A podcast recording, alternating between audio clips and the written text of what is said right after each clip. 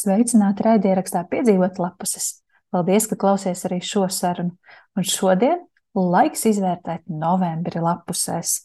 Novembris ir pagājis, un, manuprāt, šis bija lielisks lasīšanas mēnesis. Un es ceru, ka man pievienosies arī manas sarunu biedrenes. Čau, Sandra! Čau, Aija! Un čau, Zana! Čau! Čau! Čau arī Maija, un Stela, un visi pārējie mūsu bērni un atbalstītāji, radi, draugi, paziņas fonā. Es esmu Aija, un mūsu atsauksmes par izlasīto meklējiet mūsu Instagramos. Kaut kur tur sērijas aprakstā es parasti tos ielieku. Ja kāds mums vēl nesako, lūdzu, sakojiet. Vispirms es vēlos pateikt paldies mūsu patroniem. Paldies patroniem, kas joprojām atbalsta šo projektu. Un novembrī mums bija viena patronu sērija, tātad sērija saruna ar mums trijām, eh, kuru var noklausīties tikai patroni, pat Patreon lapā. Un šajā sērijā mēs runājām par 2022. Eh, gadā izlasīto latviešu literatūru. Un mēs mazliet pieskārāmies arī tam, ko var gaidīt 23. gadā vai 24. gadā. To mēs nevaram garantēt, kurā gadā šīs grāmatas iznāks. Bet jā, mēs parunājam par provizoriskajiem jaunumiem latviešu literatūrā. Tā kā, ja jums ir interese, tad ir jādodas uz uh, raidierakstu piedzīvot lapus Patreon lapu. Un vismaz par vienu eiro, jā, nu, tā ir minimālā maksa. Tur laikam tagad ir eiro 30 vai kāda tur tās nodokļu lietas. Uh, var abonēt um, šo te šo eh, kanālu gluži nē, bet eh, jā, vienreiz mēnesī novelkas naudiņa, bet par to jūs eh, saņemat vienu bonusu sēriju mēnesī un ierasto parasto raidieraksta sarunu var noklausīties nedaudz ātrāk nekā tie, kas neabonē Patreon lapu. Vai jums ir vēl kaut kas piebilstams par latviešu literatūru Zāne un Sandra?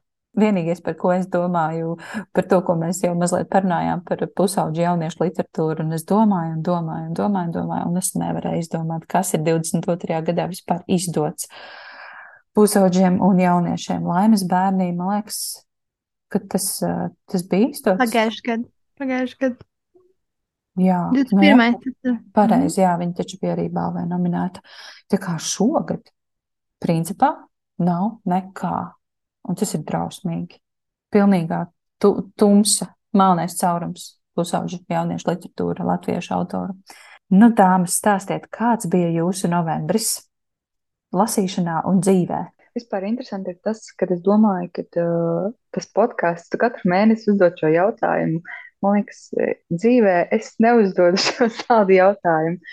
Un šis podkāsts ir tāds nu, iemesls, lai vispār par to domātu. Tā kā nezinu, vai tas ir paldies, paldies Aija, par, par šo uzdevumu. Es varu teikt to, ka es beidzot Aija tev esmu pakļāvusies un izlasījusi ne tikai vafeļu sirdis, bet arī vārdsargu un jūru, un arī pašu e, jaunāko latviski izdoto darbu. Un, protams, es esmu sajūsmā un tas, cik es ilgi atturējos no šīs lasīšanas, visdrīzāk bija tās bailes, ja ne gadījumā tas nav nu, tik, tik labi, kā, kā varētu domāt. Un, uh, nē, nē, viss kārtībā. Un Vafels ir tiešām uh, viena no sirsnīgākajām un skaistākajām bērnu grāmatām, ko lasīt pieaugušajiem.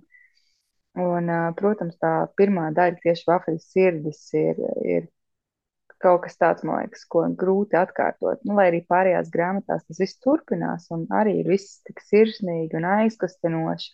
Tomēr tās lāpeļas sirds un, un tās, tās tieši ceptās sirds ir, ir kaut kas tāds nu, vienkārši fantastiski. Es nezinu, kā var uzrakstīt reizē tik smieklīgi un tajā pašā laikā grāmatu, kurā jāraud. Man liekas, tas ir kaut kur var salīdzināt arī ar uh, Bakmanu Nu, kur arī tās uh, divas uh, pretējās uh, emociju gāmas ir saliktas vienā.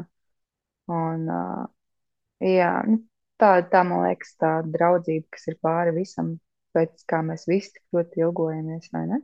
Kaut mums būtu tāds draugs, kas, kas stāv pāri visam un, un padara dzīvi krāsaināku. Tā kā zēnē, un mēs esam ar tevi abas iegājuši vafeļu sirdīs. Ja nu kādam nav skaidrs, tad Sandra runā par Mariju Parru. Tā ir norvēģu bērnu autore. Un latviski ir izdotas trīs viņas grāmatas, trīs vienīgās arī viņas grāmatas. Pagaidām Marija Pāra neko vēl nav uzrakstījusi. Un, kad es pirms pāris gadiem izlasīju Vafeļu sirdis, man vienkārši aizrāvās elpa, ka var rakstīt tik vienkārši, tik sirsnīgi, tik, tik precīzi notrāpīt uz cilvēku sajūtām, uz tām sirsnī, sirsnības un draudzības un ģimeniskuma stīgām.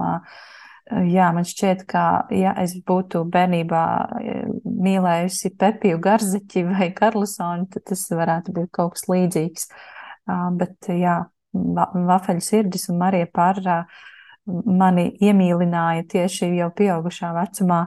Un forši man ir, man tiešām, man tiešām prieks, ka arī tev, Sandra, patika, un tev, Zāne, arī patika, jā, kā Es domāju, ka šis var kalpot par tādu labu signālu. Ja nu Aija saka, ka ir laba bērnu grāmata, tad jau gan jau ir ok.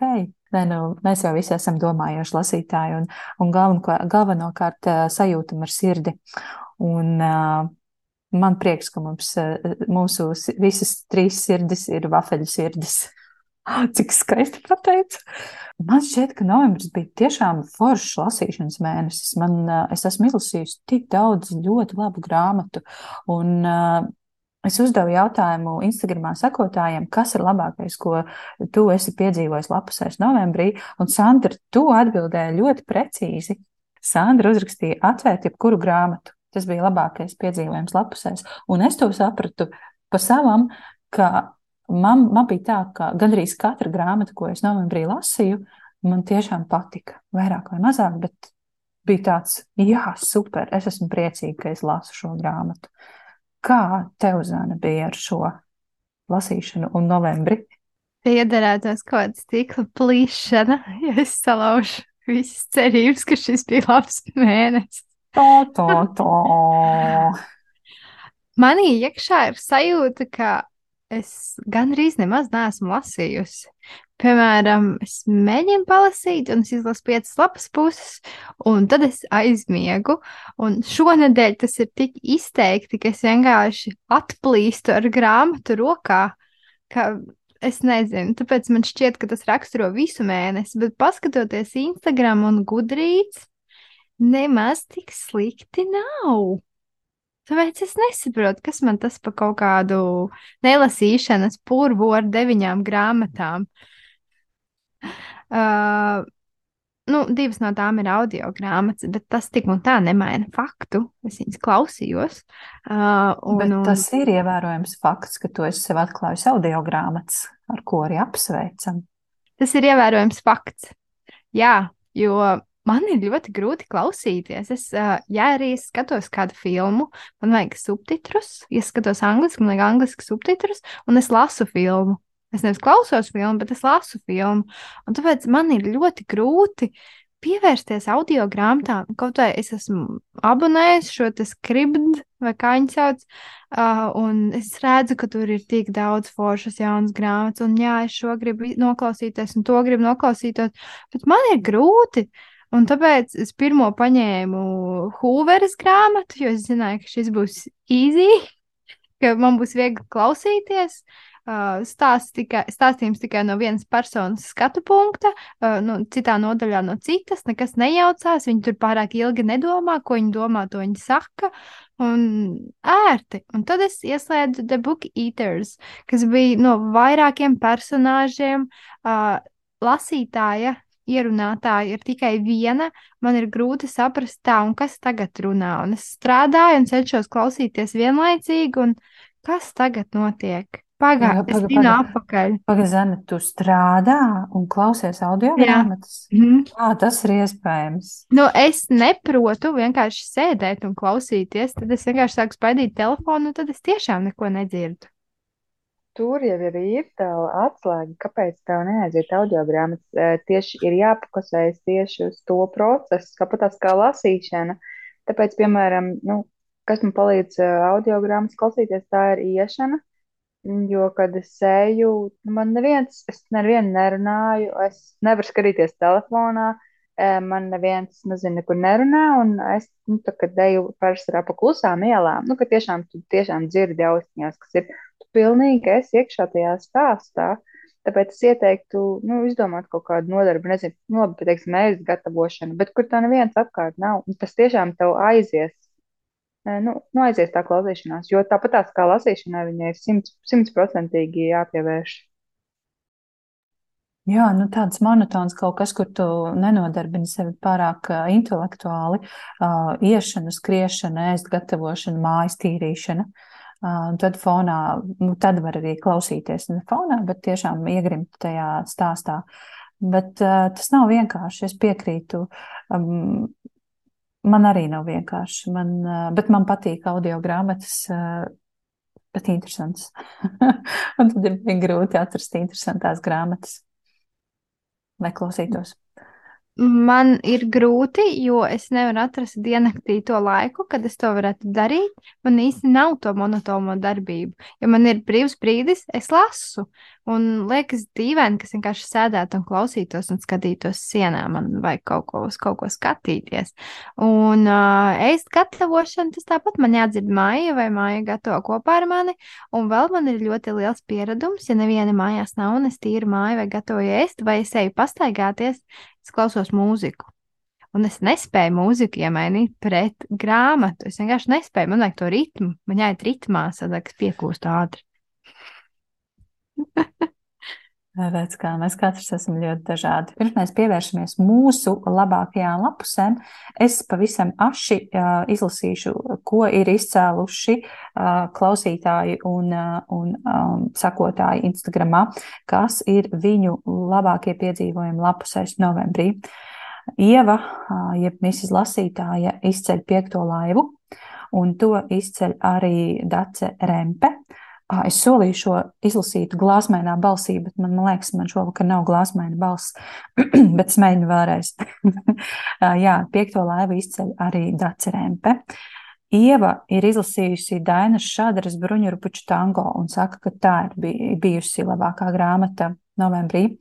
Līga Lapsiņa ir izlasījusi Ingas Grensbergas sesto sievu un saka tā, Beidzot, latviešiem skaists darbs ar erotisko pieskaņu. Tiešām baudāms.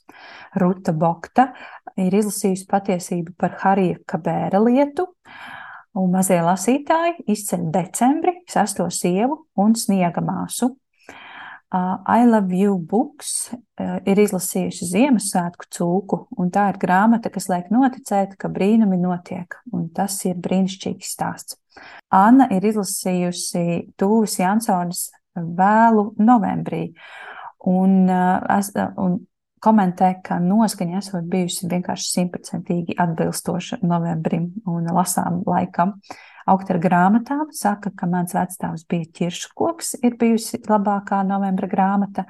Līga ir izlasījusi Ingas Gailas stiklus un skaistās, un novembri pavadījusi skarbi sērīgā latviskā noskaņā. Uh, Arta Brice ir izlasījusi savādais atgadījums ar suni naktī, un tas esot bijis tik spilgts piedzīvojums, ka tagad nekam citam vispār nav iespējams pieķerties. Es tevi saprotu, Arta.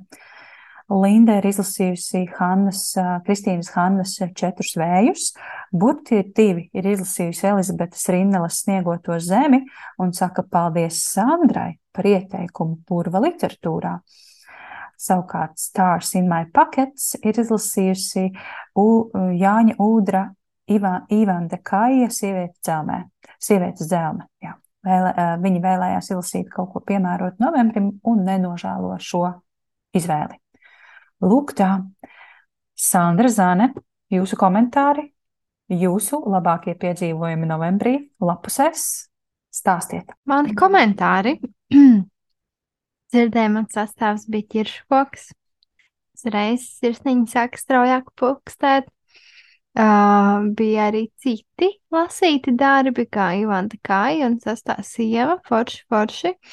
Uh, tā kā tās ir Amorela kluba uh, mēneša grāmatas, es domāju, daudzi, daudzi ir šomēnes tieši šo izlasījuši. Uh, es runāju par sastāvs sievu. Uh, un par piekto laivu kas bija mans mājas darbs. Bet tā kā man šodien bija tikai viena stunda, ko palasīt, uh, es nepaspēju. Piedodiet, Bet es jau jūtu, ka šī noteikti arī būs mana šī mēneša topiņā. Tā kā šajā mēnesī vēl ir piecas dienas, es noteikti paspēšu viņu šo mēnesi izlasīt. Es vienkārši nekomentēšu viņu kopā ar jums, jo man vēl nav pilns priekšstats. Vēlams, ka es izslēdzu arī skaņu datoram, kamēr eh, klausos, klausos. šeit bija pēdiņas, neviens neredz, uh, jūsu komentārus. Bet par maniem novembra labumiem pašā augšņā vēlos izcelt Jānis Roza jaunumu neapturamie mēs. Es zinu, ka jūs šo klausāties decembrī, un jūs vairs ar atlaidi viņu nenopirksiet, bet pašvainīgi, jo es teicu, ka ir labs, un ir tiešām labs. Šī tiešām ir brīnišķīga grāmata par aizvēsturi, par cilvēku pirmsākumiem, par mūsu, mm, kas mūs padara par pasaules valdniekiem, par uh, to, kas mūs padara arī par pasaules posmu, poslu. Un uh, ja man būtu bijis šāda grāmata, es zinu, ka es vēstures stundās būtu pilnīgi cits cilvēks bijis. Tagad mēģinām iedomāties, kāda zana bija vēstures stundās. Uh, iedomājieties uh, tādu pusaizmigušu cilvēku, iekaliņu tek ar lūpu. es tiešām vēsturē, es, man ļoti grūti ir atcerēties cilvēku vārdus un gada skaitļus, visas tās definīcijas, nu, es to, jā, es varēju kaut kā iekalt galvā, bet tie skaitļi, mm, paprasiet man, kad uh, beidzās otrais pasaules karš, nu, labi, es zinu. Nu, bet, uh, bet, ja ir jautājums kaut kādā spēlē, kur tev ir 5 sekundes, to, ko atbildēt, es nevaru atcerēties, vienkārši nevaru, man ir pilnīgs tukšums galvā. Tāpat kā jūs paprasīsiet, kas ir sarakstījis šo grāmatu, ko es tagad slavēju. Es nezinu, es zinu, ka viņi sauc neapturamie mēs, bet tagad man ir bildi priekšā. Juvāls no Hararī. Jūs gribat, lai es to atceros? Es to neatceros. Es knapi atceros, kā, kāds man ir uzvārds. Pirmo gadu man bija īpašas problēmas pēc laulībām atcerēties. Uh, bet, ja nopietni, turpinot par grāmatu, uh, autors ir vienkārši brīnišķīgi uzrakstījis bērniem saprotamā valodā visu par aizvēstures uh, vēstures posmu, kas būtu jāzina. Saprotami, kodolīgi, interesanti. Un es ļoti, ļoti ceru, ka, ka tiks izdotas arī pārējās uh, viņa iecerētās grāmatas šajā sērijā, arī latviešu. Es domāju, ka jā, jo tiešām lieliski tas ir. Uh, Lielisks pienesums grāmatu plauktos, skolas grāmatu plauktos, lai ieinteresētu bērnu vēsturē. Uh, jā, zene, redzēju, kur es biju ielikusi, kur Lietuvā ir izdots arī Harārī um, šis pats uh, jauniešiem domātais uh, grafiskais romāns, jeb komiks. Zene ir aizpildējis, bet uh, es teikšu tā, ka, uh, nu, neņemot vērā, protams, vafeļu sirdis, kas, kas ir viens, nu, jā, ļoti skaists uh, un sirsnīgs baudījums, tad viens no pēdējām uh, lasītajām grāmatām ir, uh, jā, džasī uh, māju pie iešana. Un es domāju, šī būs uh, kaut kas līdzīgs, kā kur vēži dzied, kad uh, nu, viņi lasīs ļoti daudz, un uh, es domāju, ka arī novērtēs. Viņas, protams, ir ļoti atšķirīgas. Kaut kādā ziņā tā, tā sajūta, ka šis ir tiešām ļoti lielisks darbs, gan nu, rakstniecības ziņā, kā viņš ir sarakstīts, gan arī informācijas ziņā. Un jāņem vērā, ka latviski, cevišķi par verdzību, Izstādu romānu tulkoti nav. Nu, katrā ziņā, nu, vismaz pēdējos gados nav nekas tāds spilgts, uh, un tajā pašā laikā mūsdienīgs.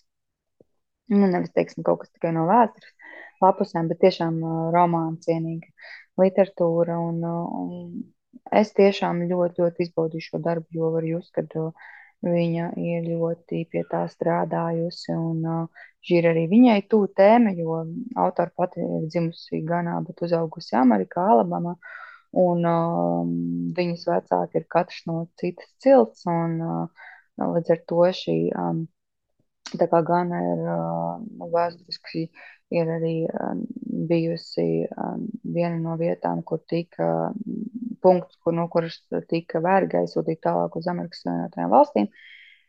Tad uh, nu, visa šī vēsture viņai ir uh, kaut kādā ziņā tuva un, un saprast, kas ir tās saknes. Un, uh, kas ir tālāk noticis un kas ir iespaidojis mūsdienu notikums, tas ir nu, svarīgi, svarīgi saprast to. Un, uh, katrā ziņā, ja tā grāmata iznākusi pagājušo gadu, kad bija Black Lives Matter, tad es domāju, ka daudziem būtu arī vairāk uh, izprotams, par ko mēs runājam.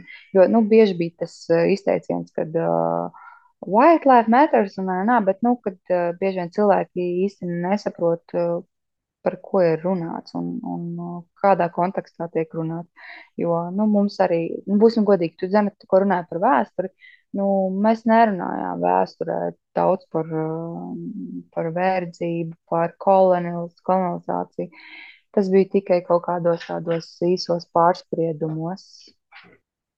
Jā, nu, es arī uh, lasu, joprojām lasu, jā, džasiju māju piešanu. Uh, Gan jau ka līdz mēneša beigām izlasīšu, ja mēs ierakstām novembra beigās, vēl nav, vēl nav pašas beigas. Tā kā laiks vēl novembrī ir, un šī arī skaitīsies pie novembra, novembra izlasītajām, bet es noteikti vēlos izcelt kārtējo reizi piekto laivu. Un šī pilnīgi noteikti ir mēneša grāmata un viena no Zana izslēdz skaņu. viena no manām gada grāmatām arī. Tas, cik daudz emociju šī grāmata manī izraisīja, cik daudz asaru tā manī raisīja, cik daudz pārdzīvojumu un sāpju, un arī tas, cik skaisti šī grāmata ir uzrakstīta. Bet šajā, šajā grāmatā bija ļoti interesanti uzrakstīti dialogi, vai ne? Kas nebija kā dialogi, bet viņi bija iekšā tekstā. Tas bija šajā grāmatā. Es pareizi atceros.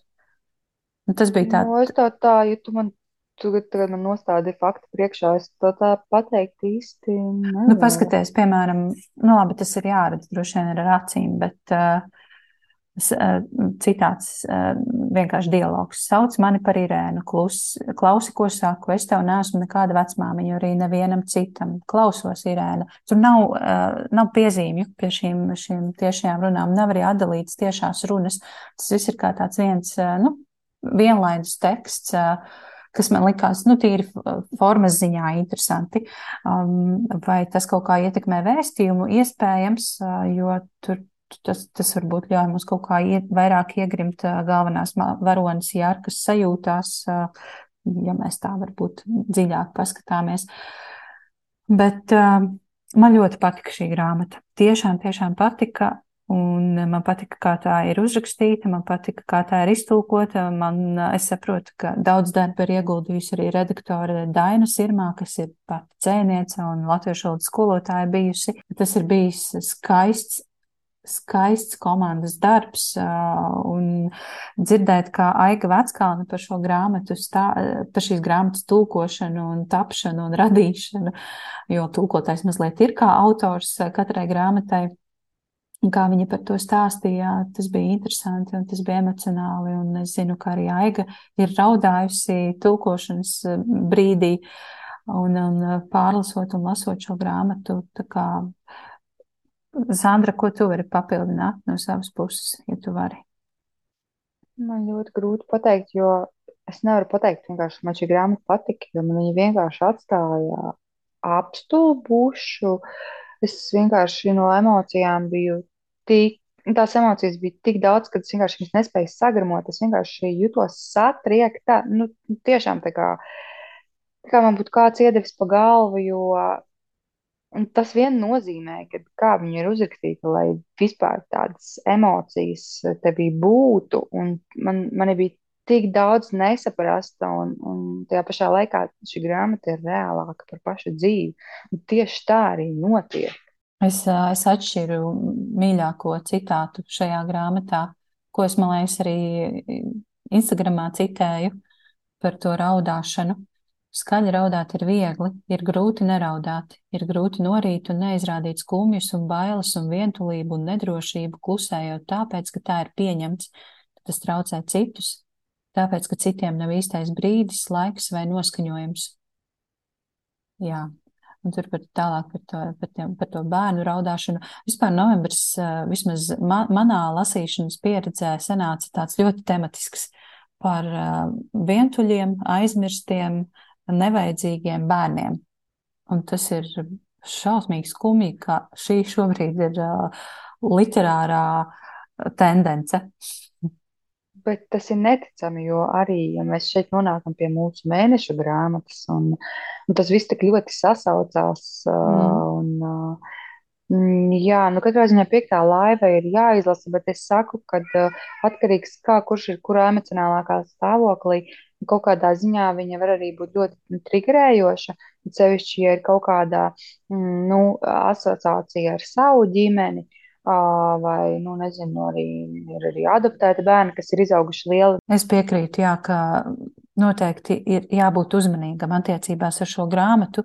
Ja jūs jūtat, ka tā jums nodara sāpes, tad varbūt neturpiniet šajā dzīves posmā, varbūt lasiet kādā citā brīdī vai nelasiet vispār. Mēs vien sakām, ka grāmata ir uzrakstīta tik labi, ka tā prot uh, izraisīt ļoti konkrētas emocijas, uh, prot likt padomāt par uh, par bērniem, par eh, attiecībām ģimenē. Un tā ir vēl viena no tām grāmatām, pēc kuras izlasīšanas tev vienkārši gribas novērtēt to, kas tev ir. Eh, tev gribas samīļot eh, ciešāk savu, savu bērnu, ja tāds ir. Un, jā, nu, ļoti sāpīga grāmata katrā ziņā, bet Zanē šis viss vēl ir priekšā. Mēs gaidīsim Zanes sajūtas, droši vien, ka lasīsim viņas atsauksmi Instagramā. Mums ir intriga, kā Zana jutīsies un kā viņai patiks vai nepatiks piektā laiva Monika Kompaņikova. Huh. Bet jā, mēs esam ļoti tematiski tuvu arī mūsu mēneša grāmatai. Un šomēnes mēs lasījām lietuviešu autora Gendru, Gendruta Morkūna no nomdirša dzīves. Ceram noteikti virzīties pie mēneša grāmatas, un uh, es patiesībā priecājos, ka uh, mums sanāca šomēnes lasīt uh, šo vienādās noskaņās veidīgās grāmatas. Mm -hmm. Jā, ļoti, ļoti interesanti sakrita. Man vēl sanāca izlasīt arī Jāņa Rožas jaunumu. Um, tepat kaimiņos dzīvo meitene, kas ir slovēņu autoru darbs, un tas arī ir gandrīz, gandrīz par to pašu, kā ļoti interesantas sakritības, bet uh, nomdirsis, nomdirsis, es domāju, ka mēs varam vēlreiz pateikt vārdu nomdirsis un parunāt par šīs grāmatas nosaukumu, jo būsim godīgi, ļoti Labi, nedaudziem, bet uh, pirmais, pirmais priekšstats ir visai mm, ērts, kas notiek, kāpēc uz grāmatas vāka ir vārds, kas uh, mums asociēs ar ļoti konkrētu darbību un ar ļoti rupju, nu, asociācija ir par rupju, rupību, vai ne? Vai kā jums bija, kad jūs pirmo reizi ieraudzījāt šīs grāmatas vāciņu Zaiznes eh, drīzumā eh, sadaļā un izlasījāt jā, šo nosaukumu, kādas bija pirmās sajūtas, domas, eh, reakcijas? Um, es jau atsauksmē rakstīju, ka noteikti visiem jau bija viedoklis par grāmatu pirms tās izlasīšanas tikai uh, nosaukuma dēļ, bet uh, es kaut kā arī nokoncentrējos uz vārda salikteņa otro pusi. Man liekas, tas būs kāds, kas uh, rupji citiem saka lietas, kā tas nom, man palika tā kā, mm, to es uzreiz atmetu, tur būs kaut kas par to dirsi. Kaut kas tam līdzīgs tur būs. Un tad pirmā, pirmās lapas puses, mm, atmetam to dirsi, te ir par nomu Vispār interesants uh, saliktenis. Uh, viņš tā tulkojās no lietuviešu valodas arī nu, droši vien, jo autors pats pašā sākumā ir teicis, ka uh, nu, var nobiedēt šis te vārds. Un, un, un interesanti, kā viņu pārtulkoja latviski.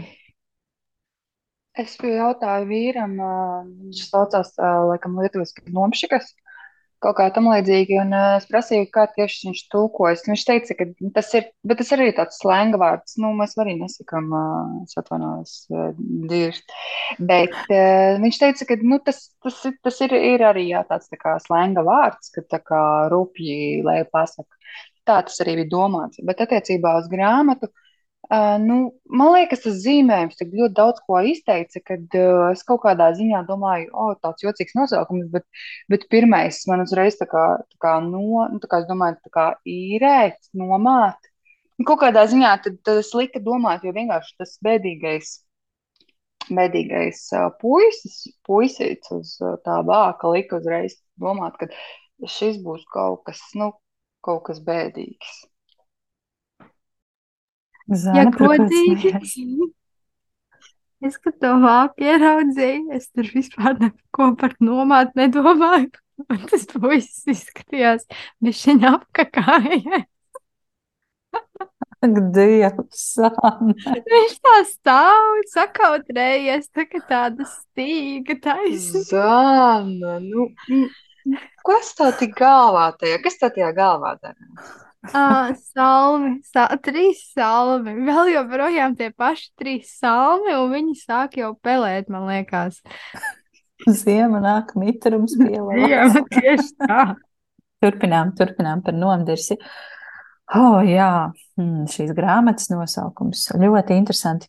Vispār eh, es neatminos, kad vēl kāda bērnu grāmata manī ir izraisījusi sajūtas, kas vairāk ir dusmas, bet ne jau par to, kas ir rakstīts grāmatās, pašā grāmatā, bet vairāk par to, man būs ļoti sarežģīti šo izskaidrot, bet es mēģināšu.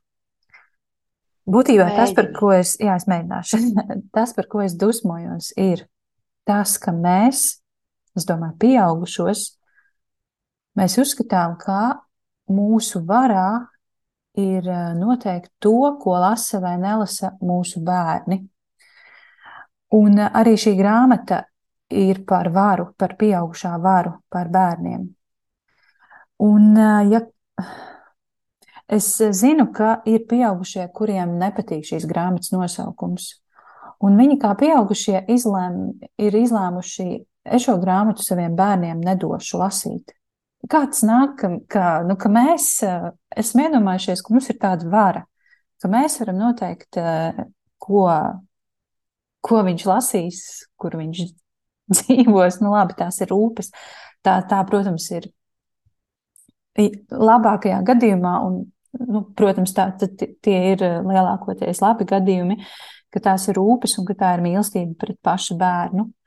Bet, jebkurā gadījumā, bērns tas, tas ir, tā, tā ir autonoma vienība, tā ir autonoma pasaule, un lasīšana vispār ir kaut kas tik ļoti intīms, kāpēc lai viņš nelasītu šo grāmatu.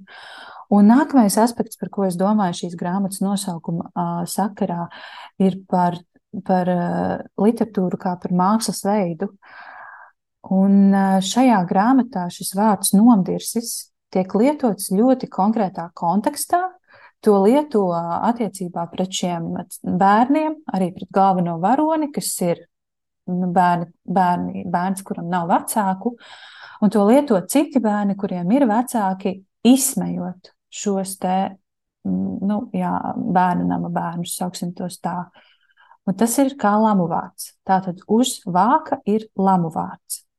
Un, ja mēs baidāmies savam bērnam dot šo grāmatu tikai tāpēc, ka uz vāka ir lamu vārds, tādā veidā viņu pasargājot, vai, nu, jā, tur, tur es esmu dzirdējusi arī viedokli, ka, ja grāmatā tiek lietots šāds vārds, tad es nevarēšu savam bērnam paskaidrot, kāpēc viņš ikdienā tādu vārdu nedrīkst lietot. Bet tieši tāpēc šī grāmata ir jāizlasa, lai tas bērns izlasot, saprastu, ka viņš, es negribu būt eh, tajā pusē, kas apsaukā tos, kas ir citādāki, vai tos, kuriem nav vecāku, vai tos, kuriem uh, trūkst kaut kādu citu bonusu dzīvē. Vecāki ir bonus. Tāpēc es ļoti, jā, manī bija dusmas, jo es zinu, ka ļoti daudz pieaugušie šo grāmatu neizlasīs tikai tāpēc, ka viņi ir iedomājušies, ka tā ir bērnu grāmata, vai tāpēc, ka tur ir nomdirsis uz vāka, vai vēl kaut kādu dažādu iemeslu dēļ, bet būtībā šī ir pieaugušiem lasāma grāmata, obligātā literatūra. Obligātā literatūra. Tas bija gari. Un es ceru, ka es vismaz kaut ko sakarīgu pateicu.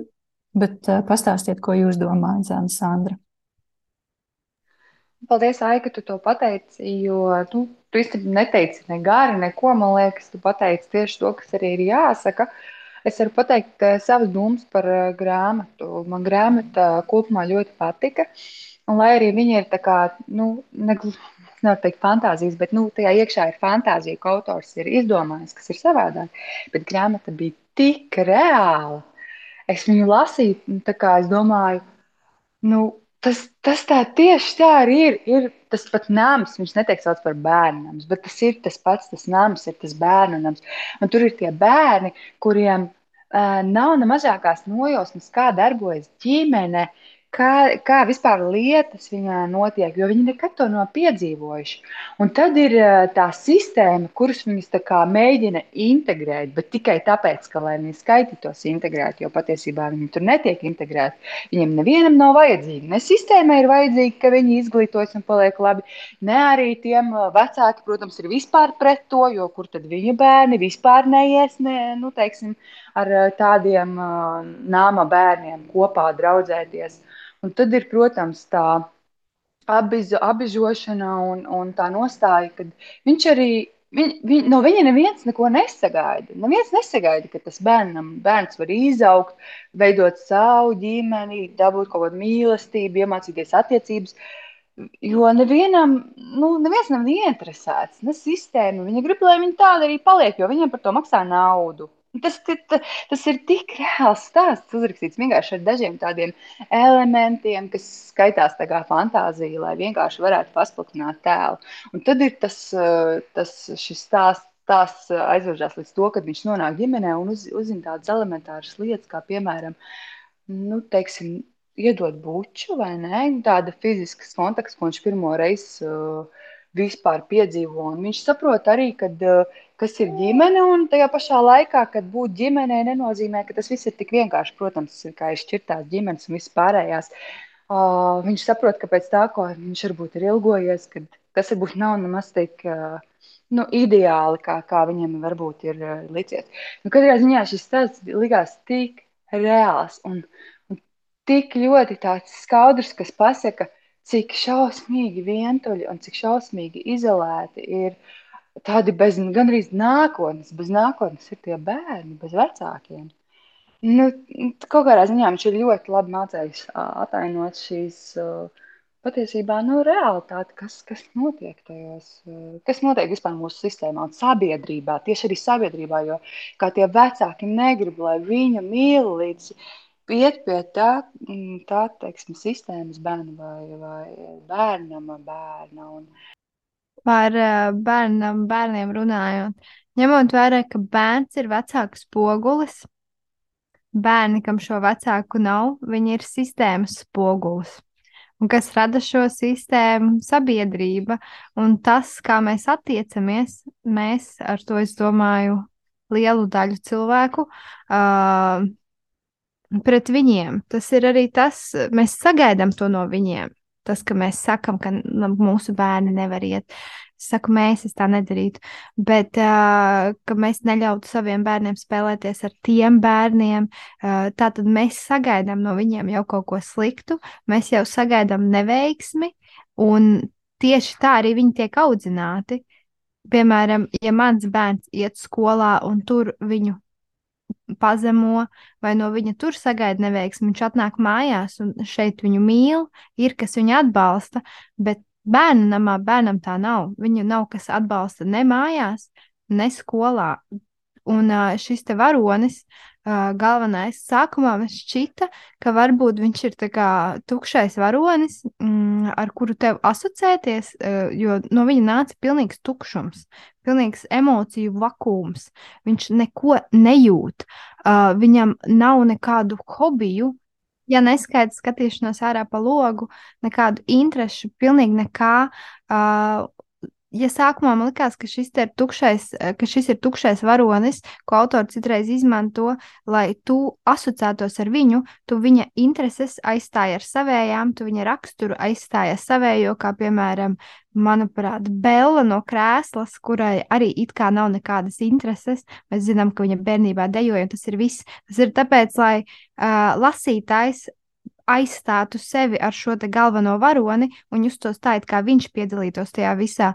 Bet jau pēc uh, kāda brīža sapratu, nē, šis te varonis ir pilnīgs tukšums. Viņā nekā nav. Viņam nav sniegta ne mīlestība, ne draudzība, pilnīgi nekādu siltu jūtu, tikai vardarbība, uh, slikta attieksme pret viņu, viņš ir, uh, viņš ir nekam nederīgs. Un, uh, ja mēs šādi attiecamies pret viņu, loģiski, ka viņš arī tāds izaugs. Reti kurš ir tik spēcīgs, lai tāds neizaugtu. Ja mēs ikdienā saskaramies ar vardarbību, mums saka, ka mēs esam nekam nederīgi, mēs nesēžam mājās un nesmaidām pie spoguļa un nesakām, es esmu vislabākais. Mēs arī tā jūtamies.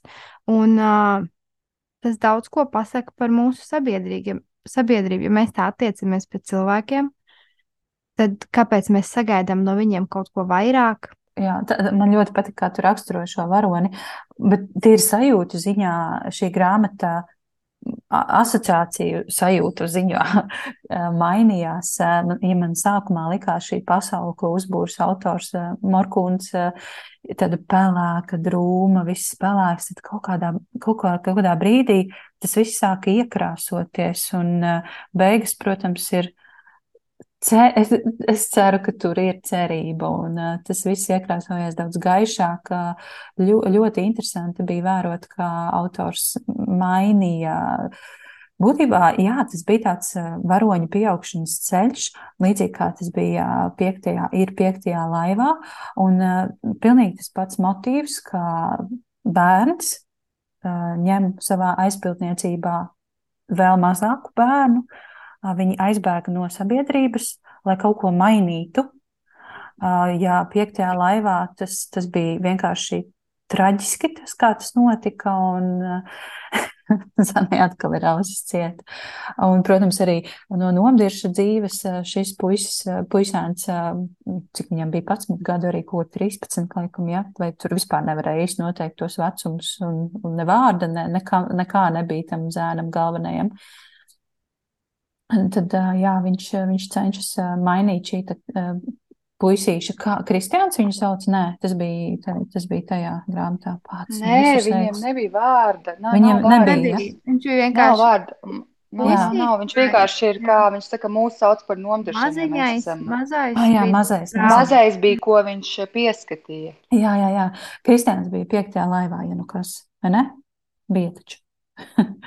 Tur bija vārdi, bet uh, nomdirša dzīvē nebija nevienam vārdu. Tur bija vai nu nomdirši, vai, vai maziņie jau mīļie, mīļie bērniņi, vecāki, vecāku bērniņi.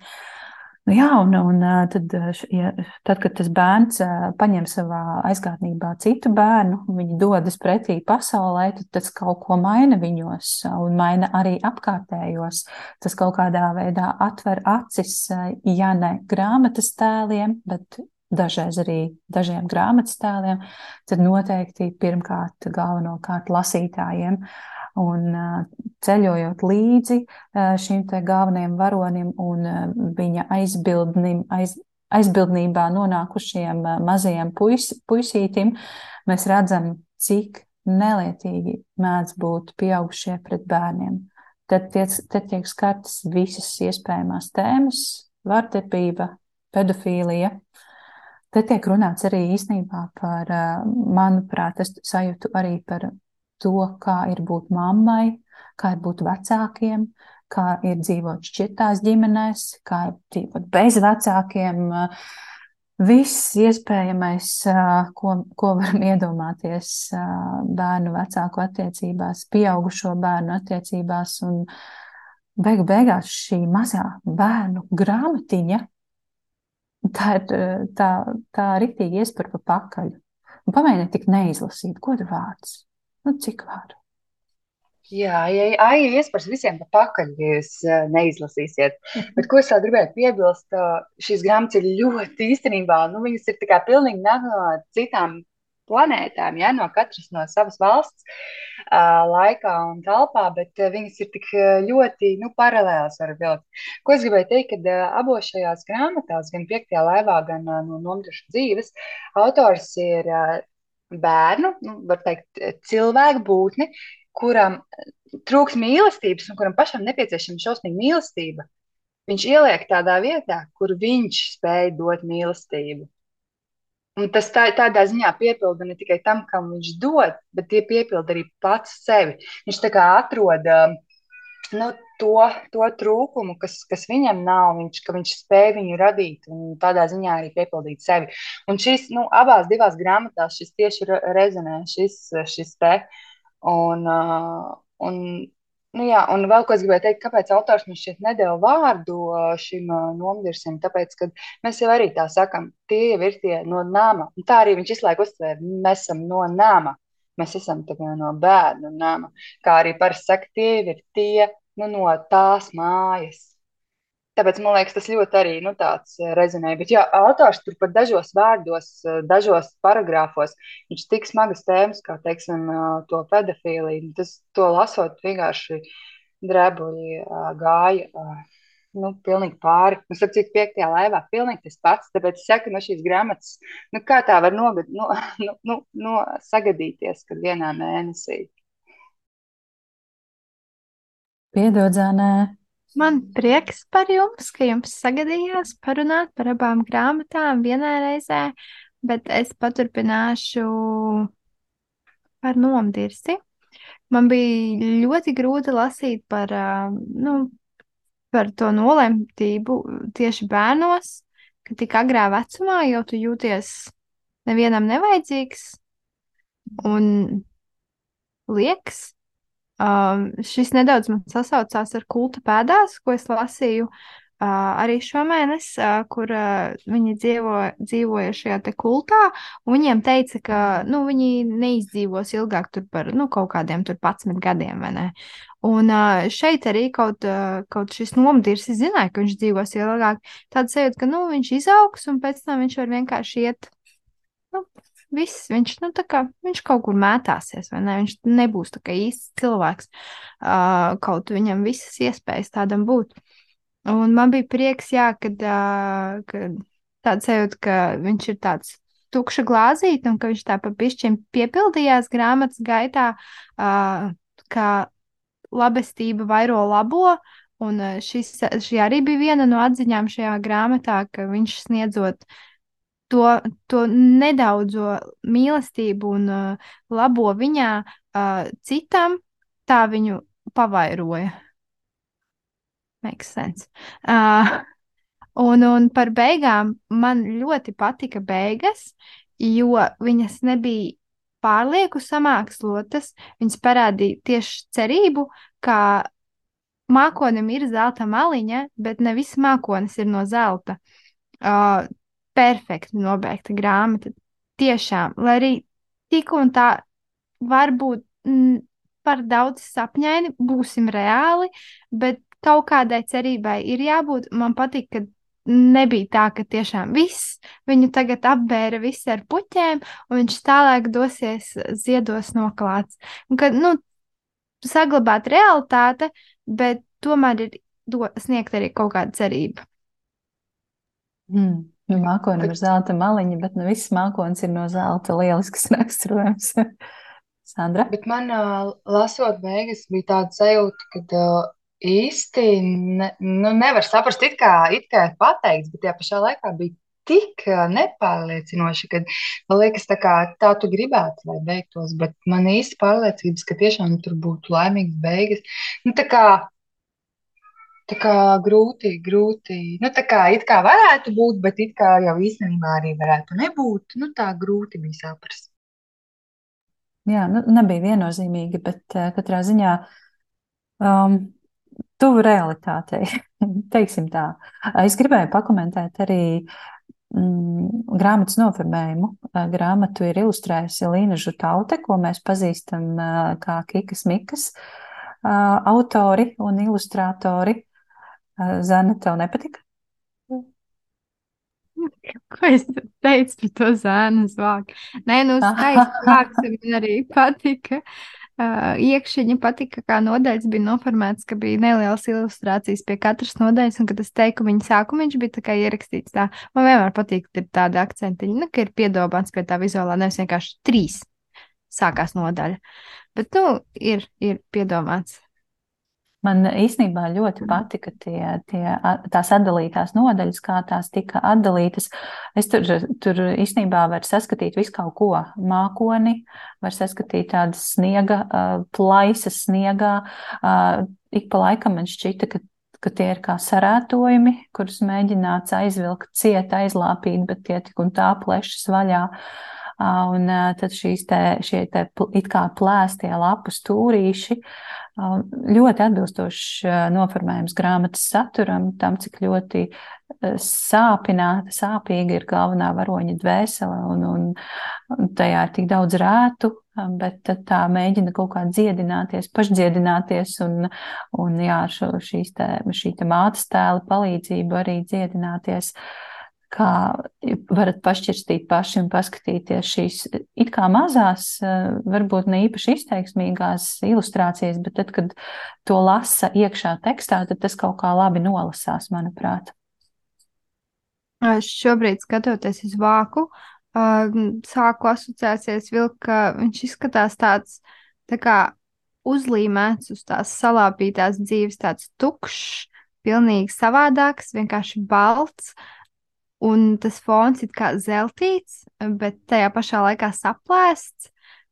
Tur viss ir tik zīmīgi. Iepriekš kaut kā nebija ievērusi vienkārši no nomdirša dzīves, paskatījos, tas ir nomdirsis, lasu tālāk, bet tagad papētot, jā, noteikti tur ir kaut kādas asociēt, asociēt vēstījums. Man ir daži citāti, vai jums ir citāti? Man nekad nav citātu. Nē. Nekad nav citādi. Es visu glabāju sirsniņā. Cik jauki. Tā es mēģināšu atrast. Man ir miljons bildes ar dinozauriem. Kāds safotografējis. Tā. Mm, kurš? Patiesībā, jā. Labi, man ir šāds citāts numur viens.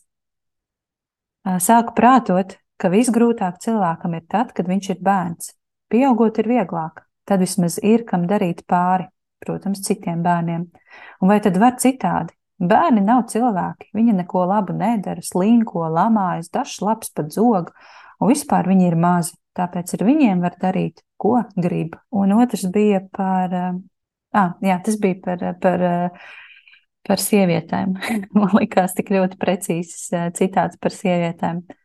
Nabaga sievietes raud, kad jācīnās, birdina asaras, kad jāspārdās, bļauj, kad visi smējas, lai gaužas asaras, kad tikko ir līs, un visas puķis jau aplaistītas. Tas par sieviešu emocijām. Lūk, šādi divi citāti. Varbūt, ka tie rosinās eh, vēl kādu izlasīt eh, šo stāstu. Lietojuši autorā Gendruta Morkūna no nomdirša dzīves. Un, ja kāds vēl nesaprata, tad stāsts ir par puisēnu, kas dzīvo namā, Mēs saprotam, ka tas ir bērnams, viņam nav vecāku, un šajā namā ir ļoti skarbi noteikumi. Viņam ir kaut kā jāizdzīvo, viņus māca būt pašiem ļoti skarbiem un bezsirdīgiem un izturīgiem, un ik pa laikam iznomā dažādiem darbiem pilsētā. Bet tad šo puisēnu iznomā māmiņa, kura ļoti labi pret viņu izturas. Un šis te puisēns, šis puisis iepazīst, ko nozīmē mīlestība, vecāku mīlestība, ko nozīmē apskāviens, ko nozīmē mm, patiesa, atklāta sirds, bet māmiņai pašai ir problēmas. Viņa ir šķīrusies ar savu vīru, viņiem ir kopīgs bērns, puisītis. Un šis te puisītis dzīvo būtībā ar divām pasaulēm, un māmiņa viņu ir nozagusi, un tur ir tiesu darbi un visādas citādākas problēmas. Un tad iejaucas šis te nomdirsis, iznomātais puisēns. Viņš uh, paņem mazo zēnu un aizbēg no mājām. Un tālāk jums jālas pašiem. Tas īsumā. Vai jums ir vēl kaut kas sakāms? Nē, to, to nevar izstāstīt. Tas ir jālasa. Tas ir emocijas, tas nav sižets, tas ir emocijas, ko izlasīs. Tā, tās ir sajūtas. Šis mm. -hmm. nevar izstāstīt neko priekšā. Šis vienkārši ir jā, jāsajūt, jāizjūt. Tas, kā jā, autors to ir uzrakstījis, jā, kā viņš to ir uzrakstījis, kā viņš ir uh, izpaudis tieši to konkrēto situāciju vārdos, uh, vai kā viņš liek mums kā lasītājiem justies. Un galu galā, jā, ir vērts uh, nosaukuma dēļ arī izlasīt. Izlasiet nomdirsi. Izsaukuma zīme, izsaukuma zīme, izsaukuma zīme. Izlasiet nomdirsi un paldies par uh, grāmatu no nomdirša dzīves. Mēs sakām izdevniecībai Zvaigzne ABC, kas nodrošināja mums katrai pa eksemplāram un arī konkursa eksemplāru. Mums bija konkurss Zānas profilā. Zānas taču, vai ne? Mēli. Sandras profilā. Sandras Sandra. profilā. Sandras Sandra. profilā. Mums bija konkurss Sandras profilā, un uh, ceru, ka Agnese vai Agneses meita izlasīs šo grāmatu. Jā, grāmatu dabūja Agnese izmeklē. Un uh, Grāmatu jūs varat iegādāties visās zvaigzne ABC grāmatnīcās. Jūs varat to iegādāties arī interneta veikalā. Jūs varat iegādāties arī grāmatas e-versiju. Tā kā visādi veidi, kā tikt pie šīs grāmatas. Lasiet no nomdirša dzīves. Es domāju, ka šai noteikti jābūt bērnu žūrijas izlasē, vai ne? Noteikti. Tūkstots procenti. Tūkstots procenti. Topu dova. Burti un divi par no nomdieša dzīves saka tā. Eh, lasīju un visu laiku nepameta sajūtas, ka šī ir atpūtas kalponas stāsta bērnu versija. Kaut gan viss ir tik pelēks un tikai pieaugušais spēja novērtēt. Iespējams, visu šausmu apjomu, jo arī grāmatas beigās man tāpat šķiet, ka viss ir tikai solījuma formā un nekad nepiepildīsies. Gribētu dzirdēt arī bērnu viedokli par šo grāmatu. Es arī, es arī, burti un divi. Man liekas, ka tā vispār, nu, jā, nu katrā ziņā tā nav bērnu grāmata. Tā drīzāk. Paldies, ka tu neprasīji, un kam tu ieteiktu šo grāmatu? Es baidījos no šī jautājuma. Pieaugušiem. Apkārt.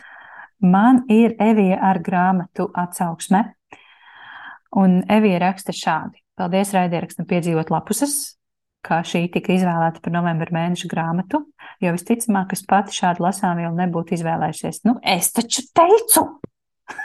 Piedod, piedodiet. Tātad, ko Evija raksta vēl par šo tieši par grāmatu. Sākumā brīnījos par grāmatas savdabīgo nosaukumu, bet ātri vien to top skaidrs, ka nomdiržs ir bērns, kuru bērnu nams iznomā dažādiem darbiem. Ja tev ir vajadzīga palīdzība jebkurā jomā, tad iznomā nomdirsi Izno, uz, iznomāt nomdirsi būs lētāk nekā meklēt profesionālu palīdzību. Nomdirši ir bērni bez vecākiem, kur dzīvo namā, ievēro nama skarbos noteikumus un pilda to, ko darba iedalītājs ir sagatavojis. Lai gan viņi apmeklē skolu kopā ar dēliņiem un meitiņām, no viņiem prasa nevis labas sekmes, bet spēju aiz, pastāvēt par sevi. Nomdirsim ir jābūt skarbam, jāmāk sevi aizstāvēt, jo dzīvē būs pašam ar visu jātiek galā. Šī ir skaudra grāmata, tomēr ļoti vērtīga un pamācoša. Lai gan neesmu šīs grāmatas mērķa auditorija, esi Evija. Esi gan.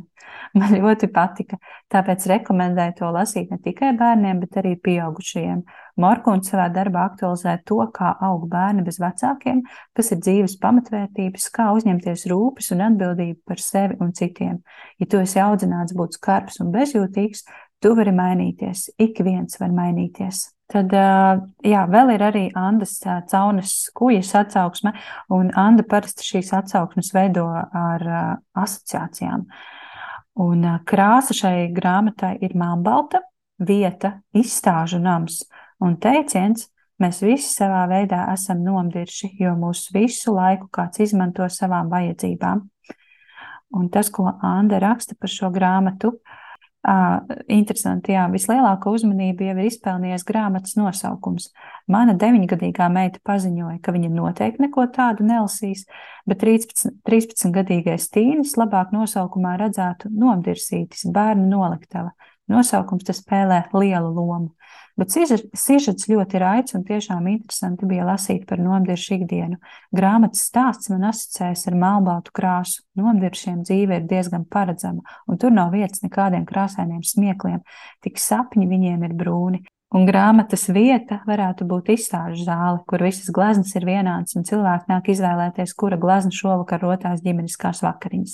Man stāstā aizķēra fakts, ka bērns, kurš dzīvo šķirtajā ģimenē, grib dzīvot pie nomdiršiem namā, jo raustīšanas sajūta te pie tēta, te pie mammas nav viegli saprotama un ir par smagu. Nu ko, bet ko mēs lasīsim decembrī? Jūs iedomājaties, ir pagājis, tūlīt būs beidzies 2022. gads. Decembris ir pēdējais top, gada top, mēnesis. Top, top, top. Top, top, top. Sāks griezties grāmatu topi, uh, turieties cieši pie saviem telefoniem. uh, jā, visi, visi noteikti grāmatnieki, grāmatnieki liks, nieki, nieki, nav nekādi nieki, liks savus uh, gada grāmatu topus. Uh, Droši vien, ka mēs arī kādu topiņu ierakstīsim, vai tas būs decembrī vai janvāri, sāk, vai janvārī. Bet eh, ko, kādi jums ir lasīšanas plāni decembrim? Pastāstiet! Ak, Dievs, tik lieli un gari kā eglīti. Debesu skrāpji. Goda vārds, tik daudz, vēl no bibliotekas salasījis. Es vienkārši tiešām trīs salmu tie paši sapelējuši. Es, nu, kur man ir prāts? Es šomēnes esmu nopirkusi grāmatas tādā summā, kā man ir gada budžets grāmatu pirkšanai. Es vienkārši nespēju apstāties, bet Black Friday es neko nenopirku, jo es jau visu biju nopirkusi bez atlaidēm. Man tiešām milzīgi, bet uh, visvairāk es gaidu, kas pabeigšu piecas laivas, bet tas būs novembra piedzīvojums, tāpēc tas neskaitās. Un, un es ļoti ceru, ka es izlasīšu kādu no grāmatām angliski, jo es esmu sapirkusies veselu kaudzi. Un uh, patiesībā es ļoti gaidu storytelleru, kas, uh, ko Heilijus izdos tas ir rādījis zudušu aptieku. To es arī gribu izlasīt, jo man baigi interesē, kā tur izvērtīsies. Man šodien lasīt nešas prasīja, kas tas īsti ir pa žanru, un es īsti nezināju, ko atbildēt. Kā, man liekas, tāds krimināla trilleris. Viņa atkal saka, man liekas, ka Jānis Gadalta fantāzija.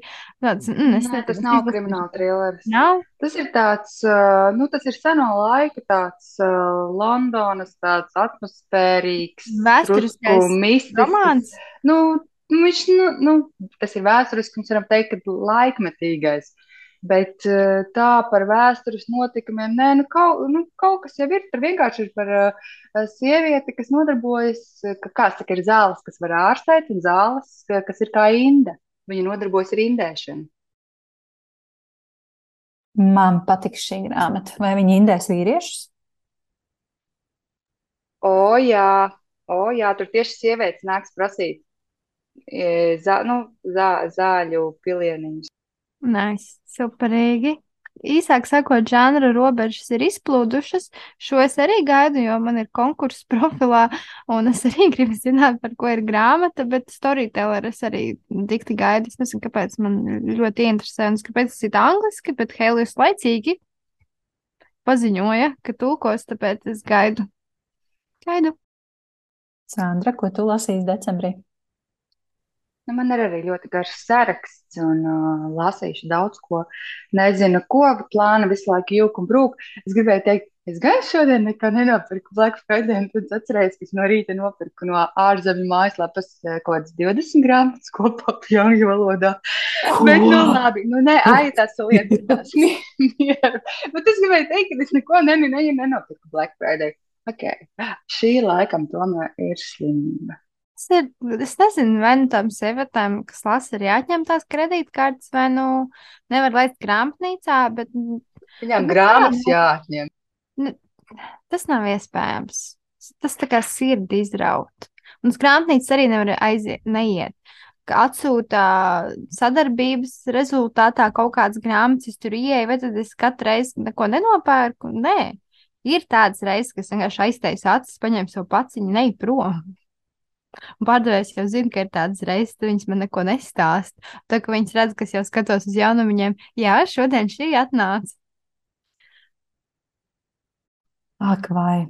Jā, nu es arī noteikti lasīšu zudušo aptieku, un es lasīšu Jāņa Rozes jaunumiņus, kas mums te atnāks. Man vēl uz galda stāv Meta Heiga divas bērnu grāmatas, ko ir izdevusi Zvaigznē ABC. Tas gan jau es arī izlasīšu. Nu, kā saka, būs ko lasīt. Bez lasāmā jau nepaliksim arī decembrī. Bet kas būs mūsu mēneša grāmata decembrim? Ziniet, es esmu piemeklējusi vienu ļoti atbilstošu grāmatu, ar kuru šo 2020. gadu visai murgaino, šizofrēnisko un ārprātīgo pabeigt. Un es aicinu visus pievienoties man, Zanai un Sandrai vienā ļoti lielā literārā izaicinājumā un kopīgi lasīt krievu autora Alekseja Saļņikova Petrovi ar gripu. Es jūs brīdinu, tas nebūs vienkārši. Tas būs tiešām literārs izaicinājums. Būs uh, murgaini, šizofrēniski, kā jau es minēju, tieši tāds, kā bija šis gads. Zana nopūšas, Sandra ceru, ka ir mazliet priecīga. Priecājos. Bet kāds autoram bija kaut kāds sakars ar Talvinu, vai ne? Vai... Viņš, man liekas, ir dzimis Igaunijā. Tartu. Viņš ir dzimis Tartu.